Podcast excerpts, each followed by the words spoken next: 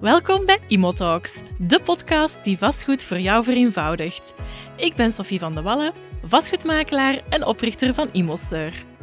Met meer dan 15 jaar ervaring in het notariaat en als makelaar gecombineerd heb ik een mooie expertise opgebouwd. Of je nu op het punt staat om je eerste woning aan te kopen, of je wil je vastgoedportefeuille uitbouwen, Imotalks is het ideale platform om de complexe wereld van vastgoed beter te begrijpen. Duik samen met mij in dit boeiende onderwerp en geniet van deze aflevering. Vandaag gaan we samen overlopen welke attesten noodzakelijk zijn bij de verkoop van je woning, maar zeker ook niet uh, onbelangrijk als je als koper de markt op gaat, welke attesten je moet nakijken als je een woning gaat aankopen. We gaan een aantal attesten bekijken, zowel op woningniveau, waaronder ik zeg maar het EPC en de elektrische keuring, als ook uh, op juridisch niveau, zoals de kadastrale leggers, stedenbouwkundige informatie en dergelijke meer. We gaan dat samen vandaag bekijken en we gaan op elk van deze onderdelen dieper ingaan.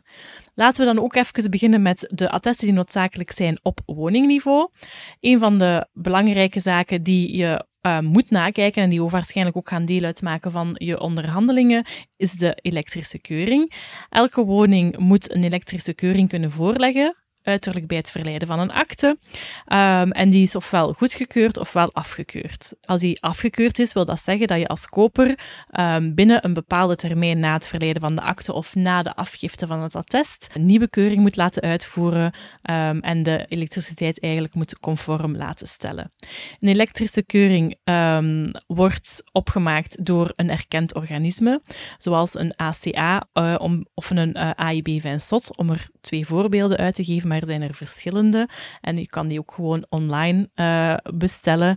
En die mensen komen langs, die kijken naar alle elektrische uh, zaken in, in de woning en die maken daarvan een attest op. Je kunt ook altijd zeggen van, ah ja, de, de puntjes zijn eigenlijk vrij klein, ik ga die oplossen tegen, de, um, tegen dat ik de woning verkoop, zodat de koper ook weet van, ah, de elektriciteit is gekeurd, dat kan een extra onderhandelingspositie zijn.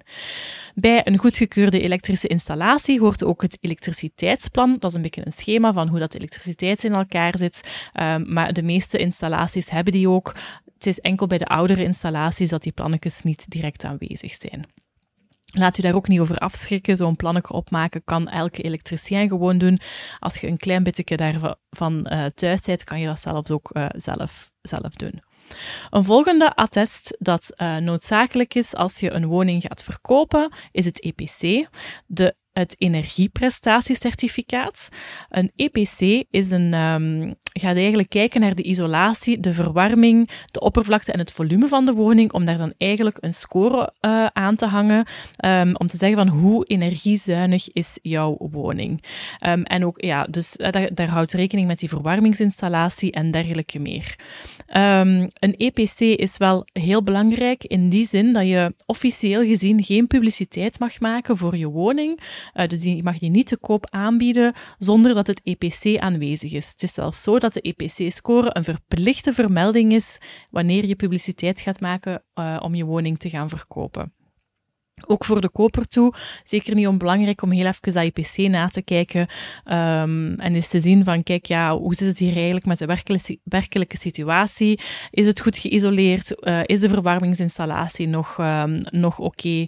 Um, en dergelijke meer ook altijd een tip. Je kan eventueel ook vragen aan de verkopers van kijk, hoe is het met, uh, gesteld met jullie energieverbruik? Maar weet wel, uh, enige voorzichtigheid daar is aan de orde, omdat niet iedereen op dezelfde manier zijn woning gebruikt. Sommige mensen hebben het graag heel warm, andere mensen um, zijn bijvoorbeeld nooit thuis en zetten de verwarming volledig uit. Dus dat is allemaal voor interpretatie vatbaar. Dus let daar ook mee op als je die gegevens gaat gebruiken om uh, effectief naar die energiezuinigheid van een woning te gaan kijken. Een volgende attest dat noodzakelijk is, is de asbestinventaris. Dat is een uh, nieuw, nieuwer attest. Uh, sinds eind vorig jaar is dat in voege getreden. Een asbestinventaris gaat eigenlijk uh, kijken, dus een, um, in de jaren 60 zijn ze daar eigenlijk mee begonnen ongeveer, met het gebruiken van asbesthoudende materialen in de bouw.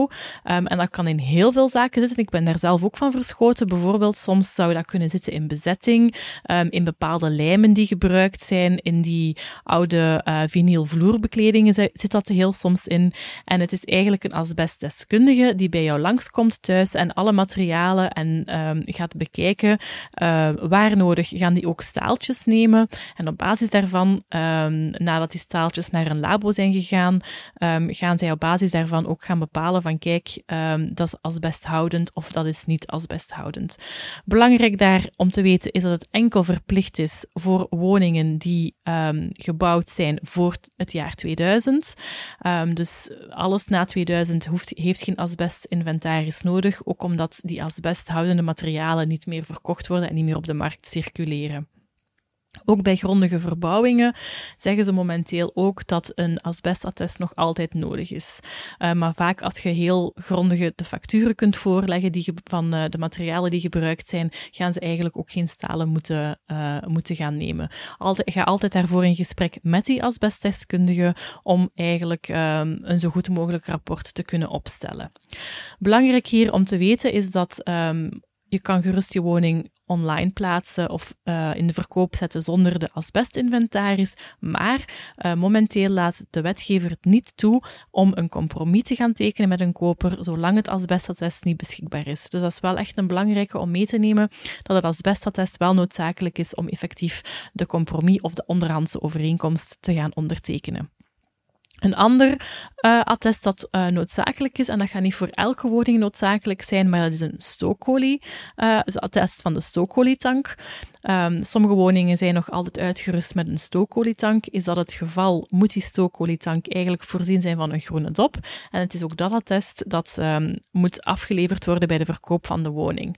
Zelfs als er ooit in de woning een stookolietank gestaan heeft, um, maar die is niet meer in gebruik, dan hebben ze die ofwel um, volledig verwijderd um, en die afgevoerd en verwerkt zoals het hoort. Dan heb je een attest nodig van de verwijdering. en anderzijds kan het zijn dat door de aard van de tang, bijvoorbeeld een ondergrondse tang die helemaal is uh, ingekapseld en dergelijke meer, dat ze die heel moeilijk wegkrijgen, dan gaan ze voor kiezen om die te gaan vullen met een inert materiaal. en daar krijg je dan ook een attest van en het zijn ook ook zowel het attest van de buitendienststelling um, en het opvullen met zo'n materiaal of de verwijdering die noodzakelijk zijn bij de verkoop, um, om die te gaan kunnen voorleggen. Juridisch gezien zijn er uiteraard ook een aantal documenten die uh, beschikbaar moeten zijn als je een woning verkoopt. En ook als je die gaat aankopen, kijk die allemaal zeker na, want daar staat echt wel heel belangrijke informatie uh, in. Het is niet voor niks dat de wetgever zegt van kijk, die documenten moeten ook echt aanwezig zijn bij de verkoop.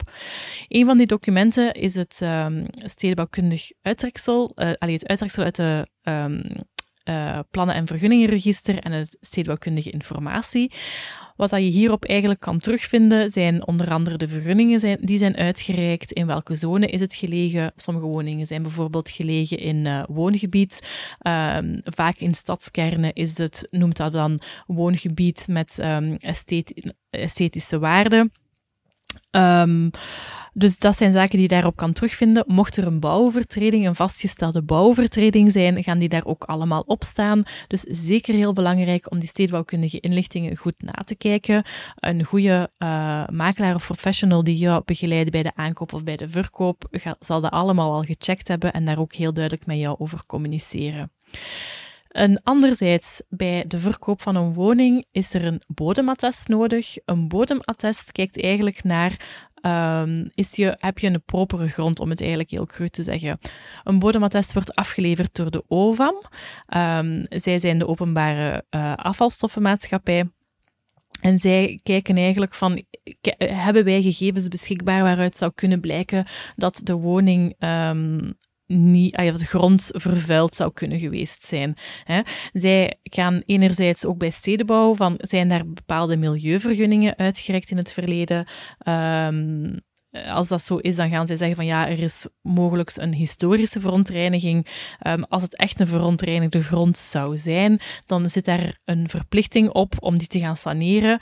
Um, maar dat zijn heel, heel dure kosten. Dus het beste wat je kan hebben is ofwel een historische verontreiniging zonder verplichting om daar iets aan te doen. Um, uh, of gewoon een blanco bodematest. In het beste scenario heb je gewoon een blanco bodematest, maar opgelet als er saneringsverplichtingen opstaan, dat die afspraken tussen partijen ook heel goed, uh, heel goed vaststaan. Eigenlijk ook een heel interessant weetje is als het bodematest niet aanwezig is op het moment dat de overeenkomst tussen partijen tot stand komt, kan eigenlijk de koper op elk moment ook gaan afhaken om uh, bij het gebrek eh, van het aanleveren van die informatie. Dus zeker een document waarvan ik zou aanraden, zorg ervoor dat die aanwezig is de, de moment dat je beslist om je woning te gaan verkopen. Anderzijds um, de kadastrale legger. Um, het kadaster die um, heeft eigenlijk, dat is de grondendatabank van heel België. een kadastrale legger die, kan, uh, die moet je eigenlijk aanvragen bij de verkoop. Daarop staat het perceelnummer vermeld. en evengoed gaat daar ook op staan wat jouw kadastraal inkomen is. Kadastraal inkomen is een fictief inkomen dat door de overheid bepaald is met als referentiejaar 1974 super lang geleden, maar oké. Ehm, ze gaan dat ook elk jaar gaan um, indexeren om op basis daarvan jouw um, onroerende voorheffing te gaan uitrekenen. De onroerende voorheffing is een jaarlijkse belasting die je moet betalen uh, op de woning. Dus hoe lager jouw kadastraal inkomen, hoe lager de onroerende voorheffing die je jaarlijks aan de overheid gaat moeten betalen. Dus ook zeker interessant om die kadastrale legger heel even na te gaan. Er staat ook vaak op die kadastrale legger of je huis ingekend is als een, um, een huis of um, bouwgrond of gewoon grond als je naar gronden kijkt um, of een handelshuis als je iets uh, zou kopen waar handel in kan gedreven worden. Dus daarin kan je ook wel zien van zijn de juiste vergunningen beschikbaar voor hetgeen ik nodig heb. Het is zeker niet um, sluitend wat daarop staat, maar het kan wel een indicatie zijn van oei, oei ik moet hier heel even toch nakijken dat alles klopt voor die woning. Bij een kadastrale legger hoort ook een kadastraal plan. Uh, dat is eigenlijk uh, uitgezoomd van bovenop gezien een plan van um, jouw kadastraal perceel en de omliggende huizen um, en een beetje een liggingsplan. Zo kan je dat eigenlijk gaan, uh, gaan bekijken en alle eigendommen zijn mooi afgeleid, zodat je ziet tot waar um, je eigendom ongeveer loopt op papier dan. Ook opnieuw niet sluitend, maar het geeft wel een indicatie van als je ineens ziet van oei hier is een hele hoek um, op dat kadastraal plan die er niet op getekend is, maar die is er wel in de realiteit. Um, ga daar toch zeker dieper op in, want dan is het, kan het zijn, kan het wijzen dat er toch iets niet, uh, niet juist is. Een ander document dat je als verkoper beschikbaar moet hebben, um, is je eigendomstitel of je akte van aankoop. Hè, of um, eigenlijk het document dat bewijst dat je eigenaar bent. Um, belangrijk is waarom je die eigenlijk moet beschikbaar hebben, is om toch even de erfdienstbaarheden na te kijken en de bijzondere voorwaarden. Een erfdienstbaarheid kan zijn dat bijvoorbeeld iemand uh, over een stukje van jouw tuin zou mogen lopen. Um, of dat de regenafvoeren, dat zien we ook wel heel vaak in de stad, de regenafvoeren gemeenschappelijk zijn. Um, of er staan soms ook nog in van hele oude waterputten die door twee percelen mogen of drie percelen mogen gebruikt worden. Um, maar het is toch wel belangrijk om die ook aanwezig te hebben, zodat de koper uh, inzage daarin kan krijgen. En ook als koper belangrijk om toch te vragen van, zijn er erfdienstbaarheden? Um, Opnieuw, als de, de verkoop begeleid wordt door een professional, zou al die informatie onmiddellijk beschikbaar moeten zijn en zullen ze daar een heel duidelijk antwoord op kunnen geven. Als de verkoop particulier gebeurt, is dat soms vaak een beetje zoeken naar de juiste antwoorden. Um, zeker als de originele aankoop al wat langer geleden is, dan weten de mensen het toch niet meer zo heel goed.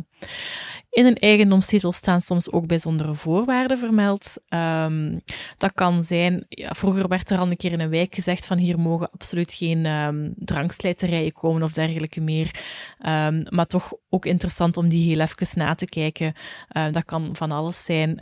maar als er bijzondere voorwaarden zijn, moeten die absoluut ook gekend zijn door door de koper, zodat hij op achteraf niet voor een voldongen feit staat. Als je eigendom in een, in een verkaveling gelegen is, leg ook even de verkavelingsakte klaar, want daarin staan ook altijd de voorwaarden uh, opgenomen van hoe er moet gebouwd worden, hoe zit het met de afsluitingen, welke afsluitingen moeten er voorzien worden en andere um, afspraken die gemaakt zijn tussen alle eigenaars van alle percelen. Bij een uh, appartement hebben we daar ook natuurlijk je basisakte bij. De basisakte is een document waarin um, ook alle geplogenheden van het gebouw staan, uh, waarin um, de verdeling tussen de appartementen vermeld staat. Um, en moet je ook nog bij de syndicus een aantal vragen gaan, uh, een uh, aantal informaties gaan opvragen, om die dan uiteraard ook aan de koper mee te kunnen delen. Um, dus dat is zeker iets dat niet over het hoofd mag gezien worden, om ook bij de syndicus langs te gaan bij de verkoop van een uh, appartement. Dat waren ongeveer de belangrijkste documenten in een notendop. Ook documenten die je zelf kan voorzien. Natuurlijk, als je met een professional bezig bent, zullen zij ervoor zorgen dat deze documenten beschikbaar zijn, of je daar toch minstens in begeleiden, of dat zou toch moeten, dat verwachten we toch wel. Um, mochten daar nog vragen over zijn, um, neem contact op met uh, jouw professional, uh, die zal je daar zeker en vast bij begeleiden. Hey, bedankt om te luisteren naar deze aflevering van Imotalks. Ik vond het heel fijn dat je erbij was. Mocht je graag meer informatie willen over dit onderwerp, heb ik voor jou een gratis gids gemaakt. Deze kan je vinden in de show notes. Heel graag tot een volgende keer.